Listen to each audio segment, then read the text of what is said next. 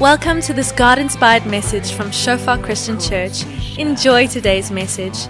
May you experience the presence of our Father and may you grow deeper in your relationship with Him.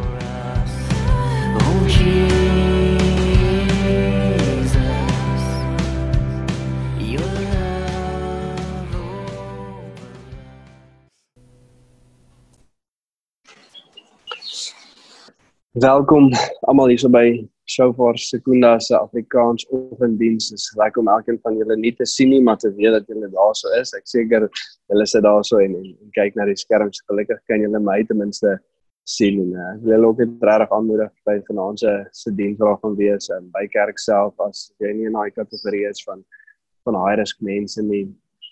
Gaan asseblief dankie en ek sien ten minste en jy sê môre môre dankie en kyk of van jou kant af.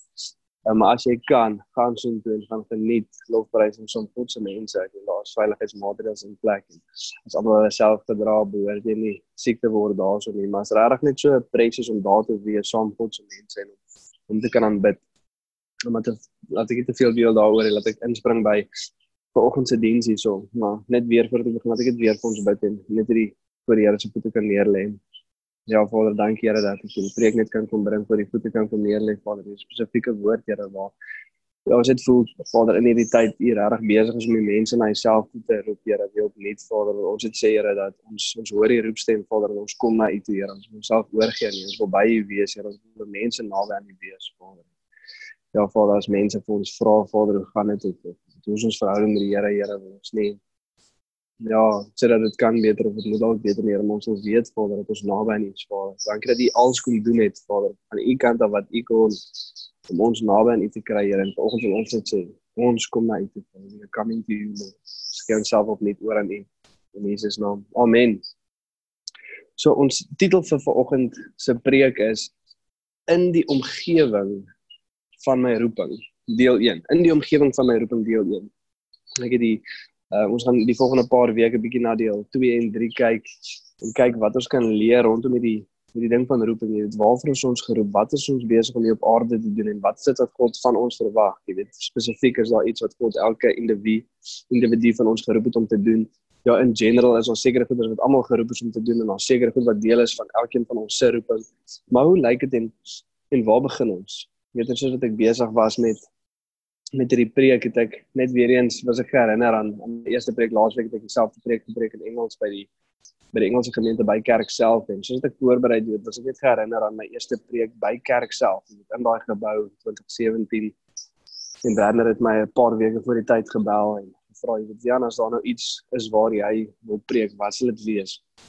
En daai tyd het ek nog nie by Shofar gewerk nie maar uh, ek sê dit vir hom abiding in Christ die titel van die van die preek daai tyd was abiding in Christ. En die rede vir dit, jy weet, as ek kyk na daai eerste paar jaar van van my lewe wat ek oorgegee het aan Jesus en regtig 'n verhouding met God begin bou het. Dit was een ding wat vir my baie opvallend was my en my vrou, soos ons oorgegee het aan God en soos dit ons ons lewe vir hom gegee het en gevolg het met alles in ons. Het ons by mense gekom wat hierdie een ding vir ons sou sê. Jy weet, eers Bian Robben en sien dat hierdie julle hierdie ywer en hierdie passie het vir God en julle volg hom regtig met alles in julle en eh uh, hier daar's 'n regte vuur binne in julle en als als gaan dit oor Jesus en net Jesus soek om die naam van Jesus net van verkondig maar moenie worry nie. Daar gaan 'n tyd kom waar die gevoel weg gaan en jy gaan bietjie rustiger raak. Dit in in hierdie eerste paar jaar wat ons God gevolg het is dit iets wat ons regtig 'n paar keer gehoor het. En ek en my vrou het vir mekaar gekyk en besef dat dit is nie 'n nuwe worry stelling nie dit is iemand sê sê moenie worry nie dat daar 'n tyd kom dat jy bietjie gaan passief raak dat 'n tyd kom dat jy bietjie jou ywer vir God gaan verloor. En jy nie regtig so intentioneel hom of die roeping wat hy het vir jou lewe mee gaan volg nie. Is dit nie regtig 'n moenie worry stelling dis 'n worry stelling. Jy weet as dit die waarheid is dan asseblief worry. Wees bekommerd dat daar van iets gebeur met jou ywer en jou passie van God wil kom wegvat. Daar gaan 'n geneigtheid binne in jou wees om bietjie passief te raak en nie meer God soek met alles in jou so asseblief worry. Jy weet en soos wat Ehm um, ek net weer hierdie week aan gedink het as ek herinner aan my vriend wat in hierdie tyd tot bekering gekom het, ek het die laaste paar weke so 'n bietjie van sy storie ook gedeel en God net hom kom verander het. En soos wat God kom en en hom kom verander, ek onthou die eerste keer toe um, ek tot bekering gekom het, die eerste paar weke is dit een van die eerste mense wat ek gesien het in die gym en ek het nog nie nog uh, hom gesê weer dat daar sit ek lees twee psalms voordat ek gaan gym, maar daar's net een pil en dis die gospel. Jy weet dit is die main supplement wat ons kort vir elke deel van lewe. Um, en hy het gesien hoe God my kom radikaal verander het en, en nou in hierdie tyd sien ek dat God kom doen dieselfde in sy lewe en dit laat my toe 'n bietjie introspeksie doen, jy weet daai wat ons geervaar het en die rede vir my preek daai tyd te Body in Christ was om te sê myself te herinner hierdie waarheid te konfesdag dat volgens skrif is dit nie oukei nie. Ons is nie veronderstel om een of ander tyd passief te raak nie. Ons is nie veronderstel om hierdie ywer en die passie wat ons vir God het te verloor nie. Inteendeel, dis veronderstel om te groei. Bietjie veronderstel om te verouder, nie oud en koud te word nie, maar te verouder, jy weet, soos 'n maturity wat moet kom. Daar's dissipline wat toegevoeg moet word. Daar's 'n gestalte wat aan ons verlossing gegee moet word in hierdie tyd. En eh, dit is hoekom my preek daai tyd dit was. Dis hoekom ek dit vir Werner gesê het om die waarheid te kom vestig. Dis nie veronderstel om so te wees nie. Ons moet altyd hierdie passie bou en teendeel dit moet groei. Soos wat ek my vriend sien tot bekering kom in hierdie ywer en die passie in sy lewe, laat dit my toe 'n bietjie introspeksie doen in my eie lewe. Is die passie nog daar so as die is die ywer nog daar om God te dien? En te dank aan die genade en die goedheid van die Here is dit nog daai jare was kere waar ons ook bietjie passief geraak het, ons ywer verloor het, maar elke keer as dit gebeur het, het ons onsself herinner aan hierdie waarheid dat dit is nie okay nie, dit is nie dit wat die mense gesê het, okay, kom ons aanvaar dit, dis maar net iets wat gaan gebeur, ons moet 'n bietjie passief raak en ons passie verloor nie meer. Dis iets waarvoor ons moet veg, dit is iets wat ons intentioneel en by God moet voor indruk en om weer vertrou om met die passie in ons te kom, te kom stig. En soos wat ek daaraan dink, onthou ek in 2017 was ons op 'n uitreik gewees Malawi toe en uh dis nog 'n hartseer storie vir my maar ons kom toe daarso en een van die ouens wat saam met ons daarso was hy ervaar God opnuut jy weet op op 'n nuwe manier reg oorgegee aan God en en hy laat toe God toe om sy wil in sy lewe te kom vestig en soos wat die persoon net God op hierdie nuwe manier ervaar dit is so mooi om te sien jy weet ou wat alles oorgee vir die Here en daai vuur en daai passie binne in hom wat regtig daarso is en hy sê toe vir my op die uitreik hierdie woorde Wian ek kan nie glo ek was lou warm geweest Ek kan nie glo daar was 'n tyd in my lewe wat ek nie hierdie ywer en hierdie passie vir God gehad het nie. Ek sê vir jou wat vandag sê ek jou, nooit weer sal ek lou warm wees. Nooit weer gaan hierdie passie verdwyn nie. Ek gaan God vir altyd volg met alles in my. So 'n paar weke van die uitreik af sien ons dat daar ontbreek hy homself van van God en sy mense 'n paar maande later nêrens te sien nie en hy's heeltemal ontbreek van God en sy mense en ek ek wonder dit myself hoe gebeur dit? Dit het gebeur so baie met ons het gebeur met so baie van ons en party van ons bly daar vir langer tydperke as ander maar hoe is dit dat eens op 'n kol ons so ywer en 'n passie en 'n vuur vir God homself het en dan op 'n tyd dan raak ons bietjie passief en ons breek 'n bietjie weg. So hoor baie mense sê en ek van ons en almal van ons het dit seker al op 'n tyd in ons lewe sê ek voel ver van God af of my verhouding met God is nie waar ek wil hê dit moet wees nie. Ek wil nader aan God wees. Ek wil hom meer aan ervaar. Dit het gebeur so elke nou en dan en ek en my vrou het nou gesien so deur die laaste paar jaar wat ons regtig gepad saam met mense stap en veral mense wat jy weet nie tot bekering kom oorgee aan die Here en en regtig goed begin volg. Is daar iewers in die eerste jaar iets wat by elke liewe persoon gebeur, maak nie saak hoe oud hulle is, wanneer hulle tot bekering gekom het of of hoe dit gebeur het nie. Een ding is konstant in hierdie storie. Iewers in die eerste jaar kom maar 'n dag wat jy weer gaan koffie drink of met die persoon gaan gesels en dan sê hulle die volgende woorde. Ek voel ver van God af daai dag gevoel het bietjie weggegaan en ek voel ver van God af en ek, ek hoor nie meer so goed sy stem nie. Ek is nie presies seker wat God vir my verwag nie. Natuurlik is dit baie mismoedigend vir mense dat dat hierdie gevoel weg is, jy weet, die new feeling dat ons kry dat alles is nuut en alles is opwindend om God te volg vir die eerste keer. En dan op 'n kol dan dan gaan hierdie gevoel weg. Soos wat ek sê, baie mense is dan mismoedig, maar ek en ek en my vrou het eintlik gesien dat is in hierdie tyd wanneer daai gevoel begin weggaan, want die Here kom en hy gee baie momentum in die begin. Maar dan so 'n kol wat God sê, "Oké, okay, van jou kant af moet dan nou intentionele indruk gebeur. Jy moet nou gestalte begin gee in jou verlossing. Soos wat die Engels sê, work out your own salvation with fear and trembling. Daar's 'n bietjie dissipline, daar's 'n veroudering wat moet gebeur in jou geloof. God wil ons dieper vat in hierdie tyd, maar dit gaan van ons intentionele indruk vat vir dit om te gebeur. En baie mense sien dit nie so nie. Hulle sê dit mismoedig want ewe skielik voel ons nie die Here nie en hy, hy voel ver van ons af en ons hoor nie sy stem nie. Maar dan sal die mense wat deurdruk, jy weet, verby daai koning aan hulle ervaar Here in 'n dieper manier en hulle sien regtig Here se teenwoordigheid en leer nuwe goed van God. En dan op 'n kol soos wat God ons uitstuur, jy weet, soos wat ons by hom is, daar's daar's soos nooit 'n tydperk waar ons by God gaan wees sonder dat hy ons uitstuur nie. Dit is iets wat natuurlik uitvloei en soos wat God ons aan uitstuur, partykeer dan raak ons bietjie distracted, ons aandag word afgetrek en dan voel ons weer ver van God of vir 'n rukkie. Dit het met die disippels ook gebeur. Maar wanneer ook al mense in hierdie plek is van bietjie passiwiteit, ver van God of ons voel nie so, jy weet, ingedruk in God soos wat ons veronderstel is om te wees nie. Ons voel ver van God of ons hoor nie sy stem nie. Jy weet ons daai daai plek van tradisie wat inskop. Dit ons tradisie en ons ons weet, normale rotines wat ons maar net volg.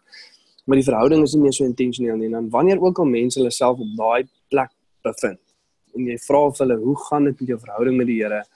Waarvoor het God jou geroep? Wat is dit wat God besig is om in jou lewe te doen? Waarmee praat God met jou in hierdie tyd?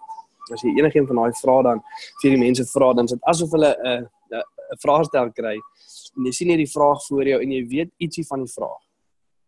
Jy weet jy jy weet waar die vraag vandaan kom, jy weet waartoe die vraag op pad is, maar jy ken nie die spesifieke antwoord nie, so jy begin maar net skryf. Weet ek weet nie of jy al so 'n vraagstel gekry het nie. Maar begin jy net skryf en jy hoop iewers in die baie goed wat jy sê is die regte antwoord. Jy dan begin mense praat en hulle sê ja, hulle weet dat God het ons geroep om om, om by die kerk te wees. Ons verstaan ons is deel van die liggaam, jy weet ons moet by by selfverwees en daarso bou ons mekaar op en ek's by werk vir 'n rede en ek weet ek moet Bybel lees en bid elke nou en dan. So dan begin mense praat en dan wat duidelik raak is dat ons weet ons roeping is iewers hierso. Die titel is in die omgewing van my roeping. Ek ek sê iewers, my roeping is iewers, maar ek weet nie spesifiek lekker waar dit is nie. Maar dit is hier iewers. En die probleem met dit is as ons onsself ooit in daai plek bevind, is dit dan meestal mis ons dit. Meestal is ons nie in die regte vertrek in die huis as ons net in die omgewing is nie met 'n baie keer deur die genade en die soewereiniteit van God, jy weet hy is in beheer van alles en genadiglik gebruik hy hierdie tyd van passie, van pas, passiwiteit baie keer en mense kom nog steeds tot bekering, die evangelie word nog steeds verkondig en iets goeds gebeur. Ek sê nie elke keer jy weet as as ons in ons roeping loop, jy moet 'n stem uit die hemel uit hoor en 'n engel moet afkom en jou jy weet handskud en sê geluk, jy's besig om die roeping van God vir jou lewe uit te leef nie. Maar baie keer mis ons dit. Baie keer dan is ons toevallig op die regte plek en iets goeds gebeur en God gebruik ons passiwiteit uit genade uit. En ons uh, jy weet lack of intentionality gebruik God nog steeds baie keer.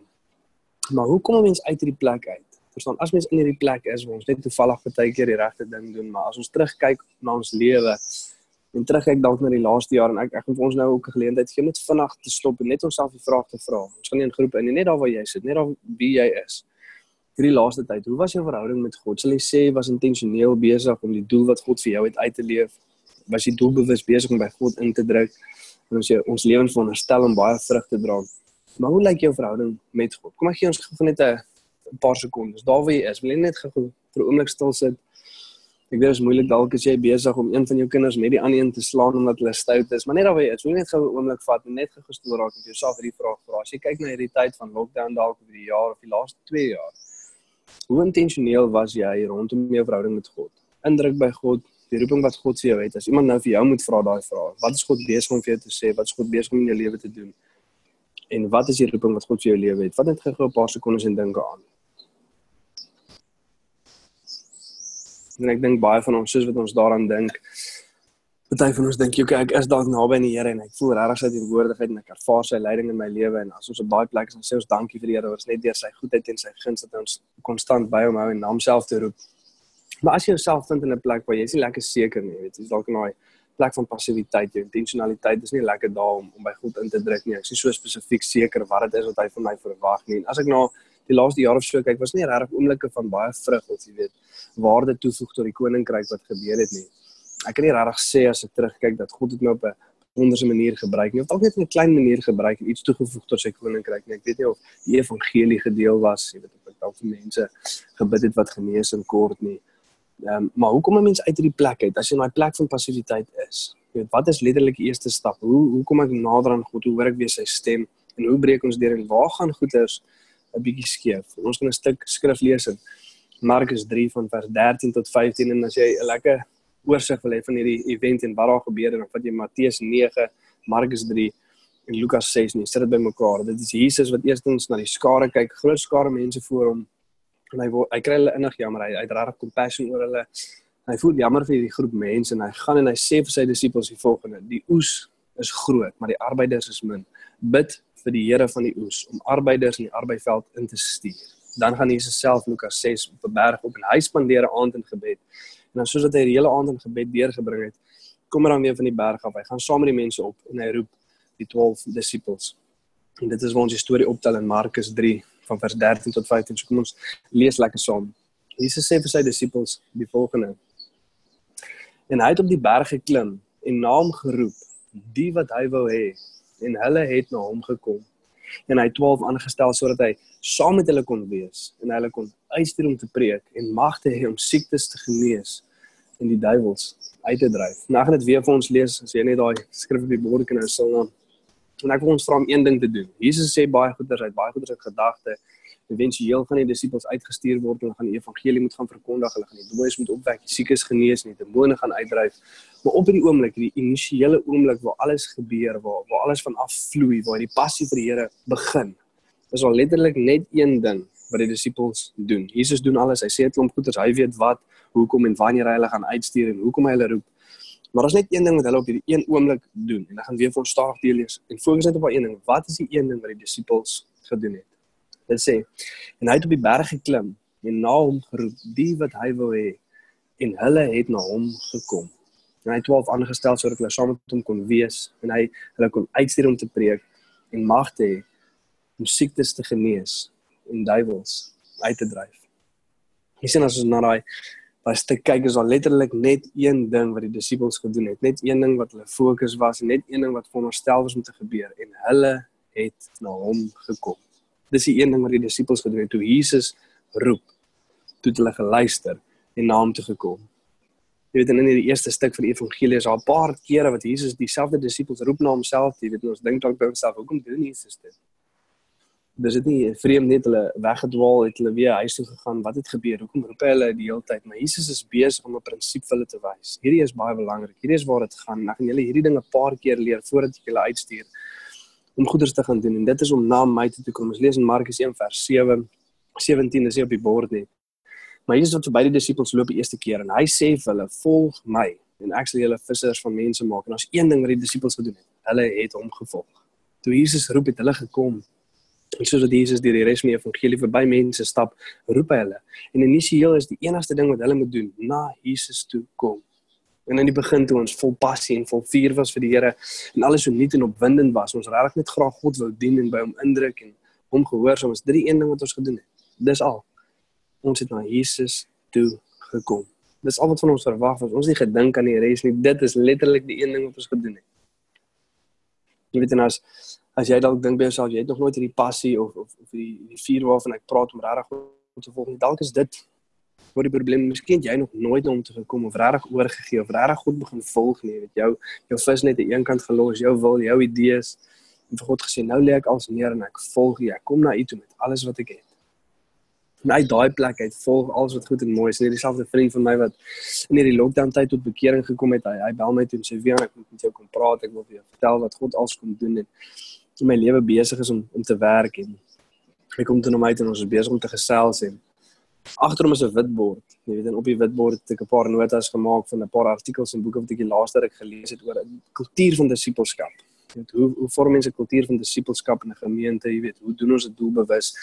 En soos wat ek deur hierdie mense se stories lees, is een ding wat elke liewe een van hierdie skrywers sê is: Moenie haastig wees nie. Hierdie gaan baie lank vat en ek ek verstaan 'n kultuur en algeheel vat lank om in om te implementeer. Maar hulle sê dit gaan baie lank vat. Dit gaan baie lank vat om mense doel doelbewus by God te laat indruk en dalk op die einde, dalk na 5 of 6 jaar mag party van die mense hulle geloof met mense deel. Jy weet dit maar dit gaan baie lank proses wees. Dit gaan stelselmatig gebeur. So nooit te haastig wees nie. En hier sit hierdie vriend voor my wat tot bekering gekom het in hierdie hele kultuur, hierdie hele idee van by God indruk en en God volg en jou. Die testimonie gaan deel met mense het om een dag gevat. Dit was nie 'n lang proses wat jare geneem het om om hierdie individu se lewe in te bou nie. Nee, die oomblik toe hy na God toe kom, die oomblik toe hy homself oorgee aan God, te vloei die res natuurlik uit. Dit is nie waar ons of te worry of te dink nie. Maar as die indruk by Jesus, as die in hom bly en hy in ons bly, intentioneel is, dan vloei die res natuurlik uit dit is waarvoor God ons geroep het maar baie kere in in hierdie goeie stand soos dit ons intentioneel by God uitdruk en hy stuur ons uit dan is 'n klomp goeie wat ons aandag wil kom aftrek en weet ons wil fokus op goeie goed en dis baie keer goeie goed wat ons aandag aftrek dis baie goeie goed wat ons baie keer mee vasgevang raak wat ons laat vergeet van God en nie so intentioneel met ons verhouding met die Here besig is nie. Goeie goed en dieselfde gebeur met die disippels. En Jesus is besig om hierso vir hulle te sê dat daar's drie goed wat ek van julle verwag. Die eerste een is om by my te wees. Dis hoekom ek julle roep bo en behalwe alles is drie hoofsaaklike doel om by my te wees. Tweedens om uit te stuur om te gaan preek daarso van 'n koninkryk van lig, die koninkryk van God Jesus wat julle moet gaan vestig. Hierdie goeders gaan julle moet gaan inbou in mense se lewens, hierdie is die boodskap wat julle moet gaan preek. En dan derdens en heel laaste en eintlik net maar 'n bysaak. Is as julle dan op 'n plek kom waar daar oppositie is, dan gee ek julle ook autoriteit om siektes te genees en demone uit te dryf. So as julle hierdie koninkryk van lig gaan vestig en ons oppositie, dan kan julle dit ook vernietig. By my bly lig gaan vestig en duisternis gaan vernietig. En ons gaan weer die volgende paar weke na dit kyk, maar dit begin hierso by by Jesus bly en net by hom wees. Nou sê vir die disippels, hierdie is waarvoor ek julle roep. By my bly, die evangelie gaan verkondig en dan derdens demone gaan uitdryf. En soos wat die disippels uitstuur op hulle reis, kom hulle toe terug, jy weet nadat Jesus die 12 uitgestuur het, het hy die 72 uitgestuur. En kyk wat sê hulle vir Jesus. Van hierdie boodskap wat Jesus vir hulle gegee het, hierdie intentionele by hom bly, die fokus is om by my te wees. Kyk wat is die fokus waarop die disippels mee terugkom. Hulle wou hulle het amper amper bietjie van koers af gegaan, bietjie distracted geraak maar toe gelukkig toe help Jesus hulle weer reg. En ons lees die volgende in Lukas 10 vers 27. Dit sê daarso: Die 72 het vol blydskap teruggekom nadat Jesus hulle uitgestuur het en gesê: "Here, selfs die bose geeste onderwerp hulle aan ons by die hoor van die naam." Want hulle sê: "Here, dit is wat ons bly gemaak het. Julle dink toe ons uitgegaan het en die boodskap gaan verkondig het. Hierdie is waarop ons self verheug het. Hierdie is waar ons nou wil fokus. Hierdie is wat ons baie bly maak. Die bose geeste onderwerp hulle as ons U naam gebruik." En Jesus sê vir hulle, ja, ek het die duiwel uit die hemel uit sien val. Ek het vir julle krag gegee om op skorpioene en op slange te trap en die hele krag van die van die vyand en julle sal nooit seer gemaak word deur dit nie. Maar vers 20, maar julle moenie daaroor bly wees nie. Moenie daarop fokus nie. Moenie dit die myn punt maak nie. Dat die gees aan julle onderworpe is nie, maar wees liewer bly dat julle name in die hele die hemel opgeskrywe is. En Jesus sê vir sy disippels van al die goeders wat ek vir julle gestuur het en van die roeping wat ek vir julle gegee het, is daar een ding wat ewig is. Daar's een ding wat die myn fokus moet wees. En dit is om by my te bly. Dit gaan nooit verander nie. Daar gaan op 'n kol 'n tyd kom wat ons nie meer die boodskap van die evangelie gaan verkondig nie. Want ons almal gaan in die hemel saam God wees. Almal daar gaan gered wees, almal daar gaan God ken. So hierdie deel van ons roeping gaan nie meer daar wees nie dan siektes genees, demone uitdryf. Dit gaan nie meer daar wees nie. God homself gaan elke traan wegvee, elke siekte wegvat. En elke bose gees gaan in die put van die hel gegooi word. So daai deel van ons roeping gaan staan. Die evangelie gaan nie meer verkondig word nie. Siektes nie genees word nie, demone nie uitgedryf word nie, maar die een ding van elkeen van ons roeping wat vir ewig sal bly staan, is om by Jesus te bly. Hy roep ons om na hom toe te kom en hy sê vir sy disippels, hierdie wat ek en jy nou het, hierdie by mekaar wees, hierdie by mekaar bly, dit gaan vir ewig daar wees. Dit gaan nooit verander nie. Dit gaan altyd iets wees waartoe jy geroep gaan word. Ek het laasweek sê dat Maria besig was met lofprys en sê hy te vir ons hy hy, hy dink in hierdie vers skiet jy net so 'n hond wat blaf. Hy sê hy dink in hierdie een vers, Psalm 27 vers 4 wat hy met ons gedeel het, is Dawid wat skryf. Een ding vra ek vir die Here en hierdie een ding sal ek nastreef. En dit is om in God se tempel te bly al die dae van my lewe en sy lieflikheid te aanskou en by hom te hoor wat dit is wat hy van my verwag. Dit is die een ding wat ek vra. Ek wil by God wees. Ek wil sy lieflikheid aanskou elke dag van my lewe wil ek naby aan God wees. En Dawid sê nie dit is die enigste ding wat hy gedoen het nie. Hy het 'n koninkryk gehad wat hy moes oorheers. Hy het gevegte gehad vir die jy het oorlog oorlogte wat geveg moes gaan word. Reëls en regulasies wat in plek gestel moet word. Maar hy sê boonbehalwe alles, al hierdie goeder wat God vir my gegee het, alles waarmee hy my toevertrou het, is daar een ding waarop ek meer as enige ander ding gaan fokus en dis om by God te wees, sy huis te wees, sy lieflikheid te aanskou. Dis die een ding. Dit gaan oor hierdie intimiteit saam met die Here. Dit het Rabbi Zacharias het altyd gesê, "Vertel my van jou gebedslewe en ek sal jou vertel van jou wandel saam met die Here." En dan ek wil vir ons vanoggend vra kerk, hoe is ons besig om te doen met daai intimiteit met God? Net daai kom na hom toe, net daai by hom wees. Hoe is ons besig om te doen by net daai punt? as ons al die ander goeders wegvat, kom ons vat vir 'n oomblik weg die preek van die evangelie. Kom ons vat 'n oomblik weg die bid vir die siekes. Hoe doen ons met net daai punt, net by God wees, net by hom indruk, net tyd saam met ons Vader spandeer? Hoe lyk jou gebedslewe? Jy weet en wat is die rigting van jou gebede? Partykeer bid ons baie maar as konstant besig om vir God te vra vir goed, maar hoeveel vra ons om net vir homself? Here, ek wil net by U wees. Ek wil net U ken. Ek wil net U teenwoordigheid ervaar in my lewe. Dis die enigste ding wat ek soek, Here weet en as ons deur die eeue kyk na enige van die weet manne en vroue van geloof wat God regtig gevolg het en hulle roepings uitgeleef het, is daar een ding wat so teenwoordig is in elkeen van hulle lewe dat jy dit nie kan miskyk nie. Dit is intimiteit saam met die Here. Dis in elke persoon se lewe daar wat nog altyd 'n impak gehad het vir God. Hulle wou net God homself hê bo en behalwe alles. David Livingstone is 'n voorbeeld van dit wat een van die eerste sendelinge op in Afrika was. En sy lewe was so gemerk deur gebed gewees. Hy gaan deur baie goed. Hy en sy vrou kom Afrika toe. Sy kry malaria, sy gaan weg vir 5 jaar en vir 5 jaar is sy sonder sy vrou. Eventueel kom sy terug en sy kan hom nie eens herken nie. Met 'n stok het sy oog uitgesteek en 'n leeu het sy skouer afgeruk. Hy loop so 'n bietjie snaaks en eventueel sien sy o, daai is daai is my man. En sy kry weer malaria en hy begrawe sy eie vrou. En jy wonder, wat is dit wat hierdie ou laat deurdruk? Hoekom is hy so doelbewus besig om God te volg en sy roeping uit te lewe? Wat laat hom aanhou? Dan sien jy net die lewe van gebed en David Livingstone se lewe. Eventueel kry hy ook malaria en hy kom by die huis aan en hy kan selfs nie eens meer loop nie. Hy vra vir twee van die ouens daar so oor die wil hulle my net help na my huisie toe nie. Hulle dra hom na sy huisie toe en so het hulle hom op sy bed neer lê sê hulle wil hulle my net help om, om gou net op my knieë te gaan nie want ek ek gaan slaap nooit voordat ek gebid het nie. Ek wil regtig net tyd saam met my vader spandeer voordat ek gaan slaap en hulle help hom op sy knieë hulle staan buite sy kamer en elke nou en dan en kyk hulle in hom seker te maak dat hy nog oukei okay is. En na 'n hele ruk verby is sê een van hulle hoor hierso nee, dit is nou nogal lank. Kom ons kom ons gaan kyk dit gou of hy oukei. Okay. Sodat hulle hom aan sy skouer vat, kom hulle toe agter hy's dood. So gemerk deur die lewe van gebed dat dit letterlik die laaste ding is wat David Livingstone gedoen het. Besig om te praat met die een na wie toe hy nou gaan. Dit is nie so 'n mooi storie van 'n lewe wat net gemerk is deur gebed nie. Dit is die een ding van ons wat ewig sal bly staan, ons verhouding met die Here en dit is die myn fokus in elke deel van ons lewe. Dit vat ons na die eerste punt toe vanoggend in die omgewing van my roeping. Bo als is ons geroep om saam met Jesus te wees. Bo als en vir ewig. Dit is die ding wat altyd sal bly staan om saam met Jesus te wees. Weet jy soos ek en my vrou sit en dink aan, jy weet, watse kere van ons lewe ons regtig ervaar het ons ons nou doelbewus besig was met die werke van die Here. Jy weet, baie keer probeer ons in mense se lewens inbou, baie keer wil ons hê mense moet in ons lewens iets spesifieks kom inbou. En baie keer dan gaan daar oomblikke verby waar ons aan mekaar kyk en net weet, jy weet, wat ook al nou moes gebeur het, het gebeur. Daar daar niks van ewigheidswaarde nou gebeur nie. En ander kere gaan daar weer iets verby en ons sê, "Jesus, dit wat die Here nou wou hê ons moes doen of mense in ons lewens kom doen, dit het nou gebeur." En weer is nie een of ander snaakse gevoel of net 'n engel wat afkom in jou hand skud nie, maar mens weet wanneer jy doelbewus besig is om God te volg en nie. En ek en my vrou dink ook so by myself, met wanneer is die kere wat ons regtig hierdie hierdie doelbewustheid ervaar, jy weet, God wat 'n werk kom doen. En dit is die kere wat ons doelbewus by God indruk. Jy weet, ek praat oor die spesifieke gebeurtenisse, ons spesifiek gebid vir daai persoon of die mens wat na ons toe gekom het en regtig gebid het, Here kom doen wat jy wil kom doen nie.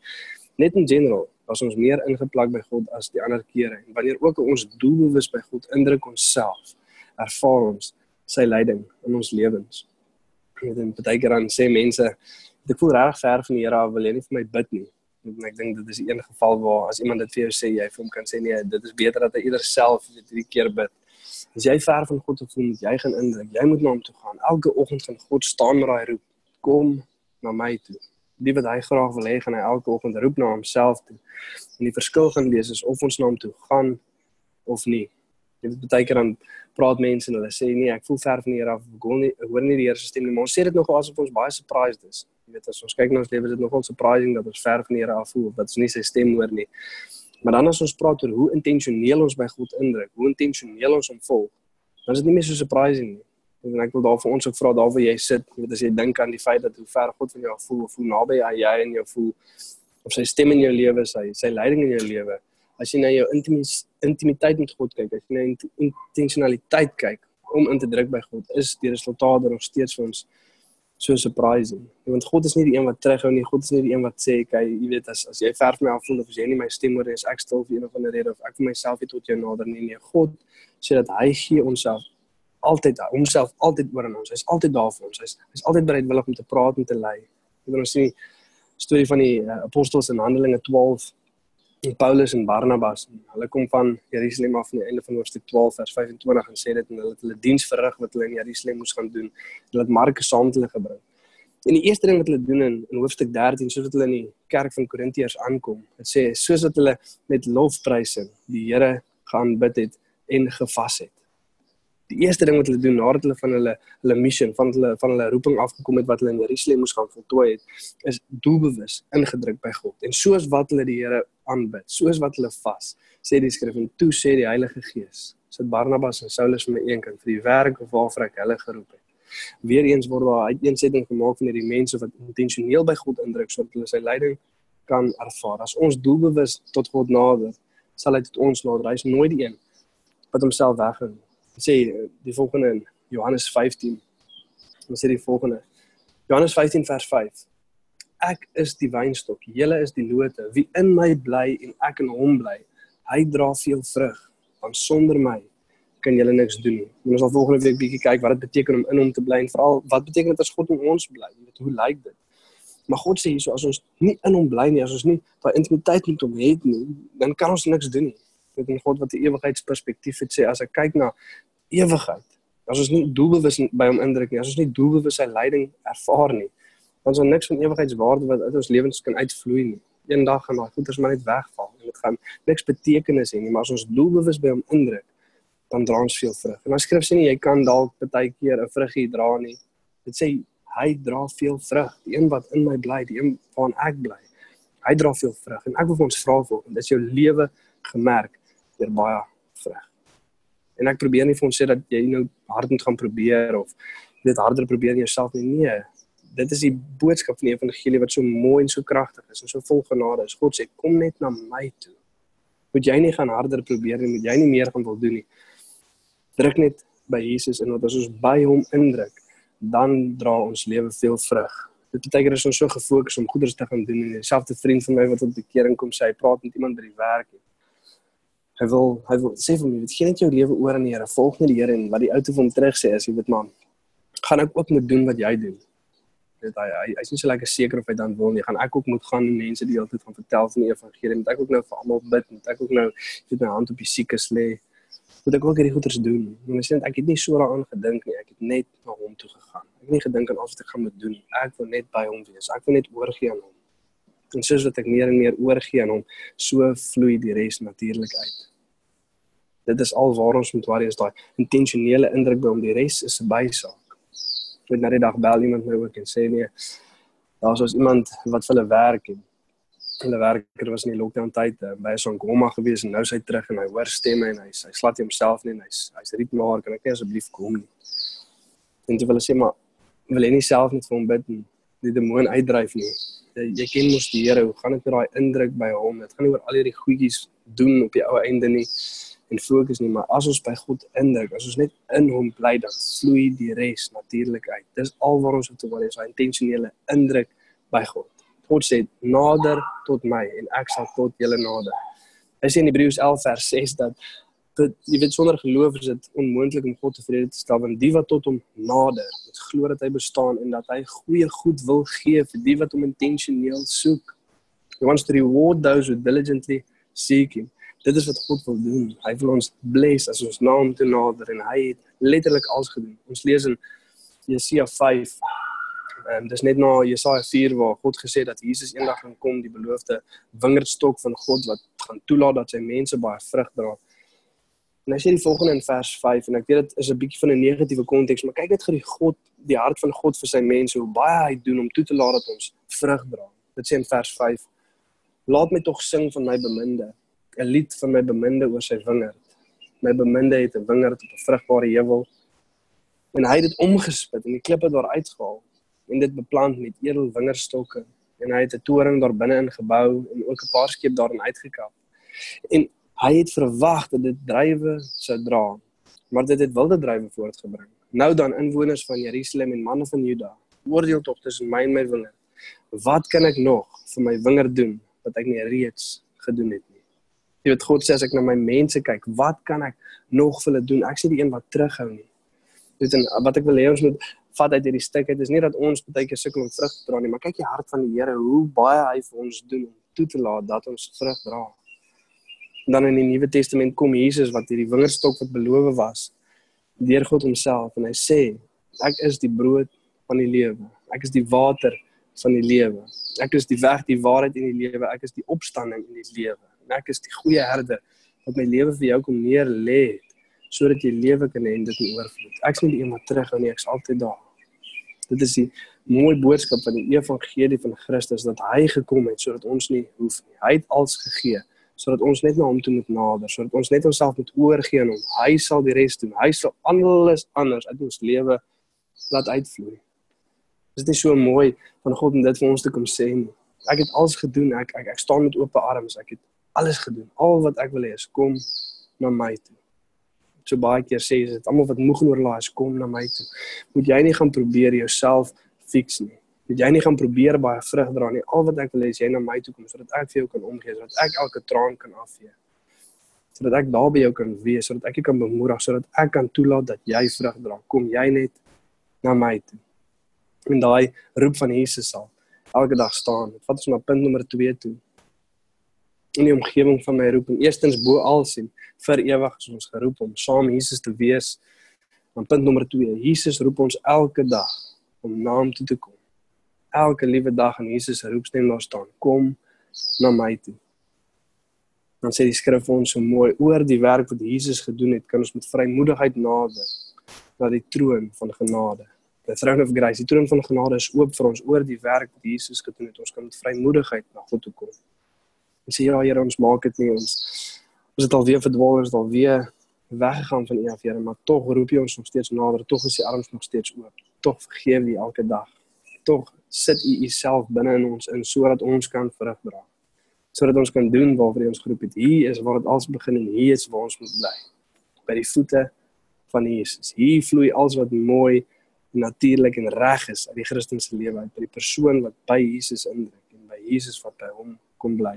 Net in laas maandag by intersessie bid ons weer as 'n kerk en een van die goed wat ons net weer hoor God sê is hierdie woorde kom na my toe God wat ons weer as 'n kerk na homself toe roep dit in die 5 jaar wat ek nou by Shofar se Kuna was kan ek nie jy moet sê hoeveel keer ons by intersessie al gevoel het God ons moet net terug na homself toe en elke keer wat dit gebeur is ek net stom geslaan. Here alweer. Alweer roep jy ons terug. Alweer trek jy ons nader. Alweer los u die 99 om die een te kom haal. Wat 'n lieflike redder. Wonderlike Jesus. Het ons nie.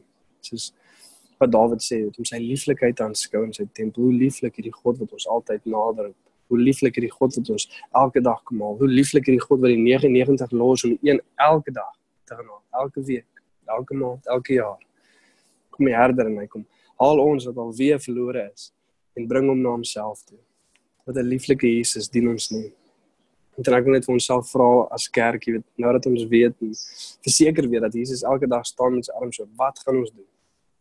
Gaan ons na hom toe kom of nie? Want dit is al wat hy van ons verwag. Hier is waar dit alles begin. Om na Jesus toe te kom en hy roep ons opnuut om na hom toe te gaan. Ons gaan nou nadat ek gebid het en ons breakout rooms en opbreek en net vir die vraag wat ek wil hê ons moet bespreek. Hoe gaan dit met jou verhouding met die Here? weet jy waarvoor dit God jou geroep? Wat is God besig om vir jou te sê? Wat bou hy in jou lewe in? Hoe gaan dit met jou verhouding? En ek wil ons regtig aanmoedig om, jy weet nie daai daai antwoord te gee van 'n vraag wat ons hier regtig ken en net te begin praat, maar kom ons wees oop en eerlik met mekaar en sê dit gaan nie so goed nie. Dit gaan goed. Dit is hoekom dit goed gaan. Dit is wat ek geleer het, dit is wat ek nog nie geleer het nie. As ek na die tye kyk in my lewe wat ek ver was, kan ek sien ek het hierdie goeders het my aandag begin aftrek. Maar kom ons nader tot mekaar en kom ons wees oop en eerlik sodat ons met mekaar kan deel, vir mekaar kan bid sodat daar genesing kan kom. Maar God weet klaar wat in ons harte aangaan. Ek wil ons regtig aanmoedig om dit met mekaar te deel. Hoe gaan dit met jou verhouding met die Here? So kom ek bid vir ons en dan breek ons op in groepe. Ja, Vader, dankie dat ons net hier kan kom, Vader, ons harte voor U kan kom neerlê, Vader. Net om dankie sê, Here. Dankie dat U so goed is, Vader. Dankie dat ons konstant nader op Here na Uself te trek, Vader, altyd met oop arms staan, Here, reg om te vergewe, reg om in te bou, reg om te lei, Vader, reg om ons te bevry, Vader is regtig so so goed Vader. Mag ons u lieflikheid aanskou Vader. Dankie vir u werk op die kruis Jesus. Toelaat dat ons met vrymoedigheid tot die troon van genade kan nader en weet net Here dat daar's nie oordeel vir die wat in Christus is nie Vader. Het ons klaar kom losmaak, het ons klaar kom bevry Vader. En dankie vir dit Here. En ja Vader, ek kom bid ook net Here dat soos met mekaar deel Vader met 'n oop en eerlikheid tussen mekaar kan wees Vader. Ons mekaar kan bid Vader dat ons bemoedig kan word Here net vir dankie sê Here. Dankie vir u werk, Vader. Dankie dat u ons konstant nader roep, Vader. Ja, Here, en jammer dat ons so ingewikkeld baie keer maak, Here. Baie keer maak ons die Christelike lewe en Christendom so ingewikkeld, Vader, maar so eenvoudig om net na u toe te kom, Here, net by te wees, Vader. To love, listen and to obey you, Lord. Dit is waar dit gaan, Here, om u lief te hê, om by te wees en te luister wat u sê, Vader. Jammer vir die kere, Here, waar ons dit so kompleks maak, Vader, en ons soveel verskonings is rondom u nader, Vader, en wat wat van ons verwag word, Vader vandag wil ons net sê Here, ons begin by die begin en na U toe kom op nuut Vader. Ek kom bid vir elkeen, Vader, maak nie saak hoe ver of naby ons van U af voel nie, Here, maar net om doelbewus in te druk by U, Here. En ja, Van ons Vader roep U weer, Here, om my plek in te tree van lofprysing en, en te vas, Here. Nie om te vas om iets te kry of om deurbraak te ervaar emosioneel of geestelik of enige area net om te sê Here ons wil U hê ons wil U naby aan vou Here ek sit alles eenkant Vader en ek nader tot U en ek soek U Here totdat ek by U staan Vader met teenwoordigheid kan ervaar in Jesus naam. Amen. Geniet. Julle breakout rooms en uh, ja chat net lekker oor hoe gaan dit met jou ver- verhouding met die Here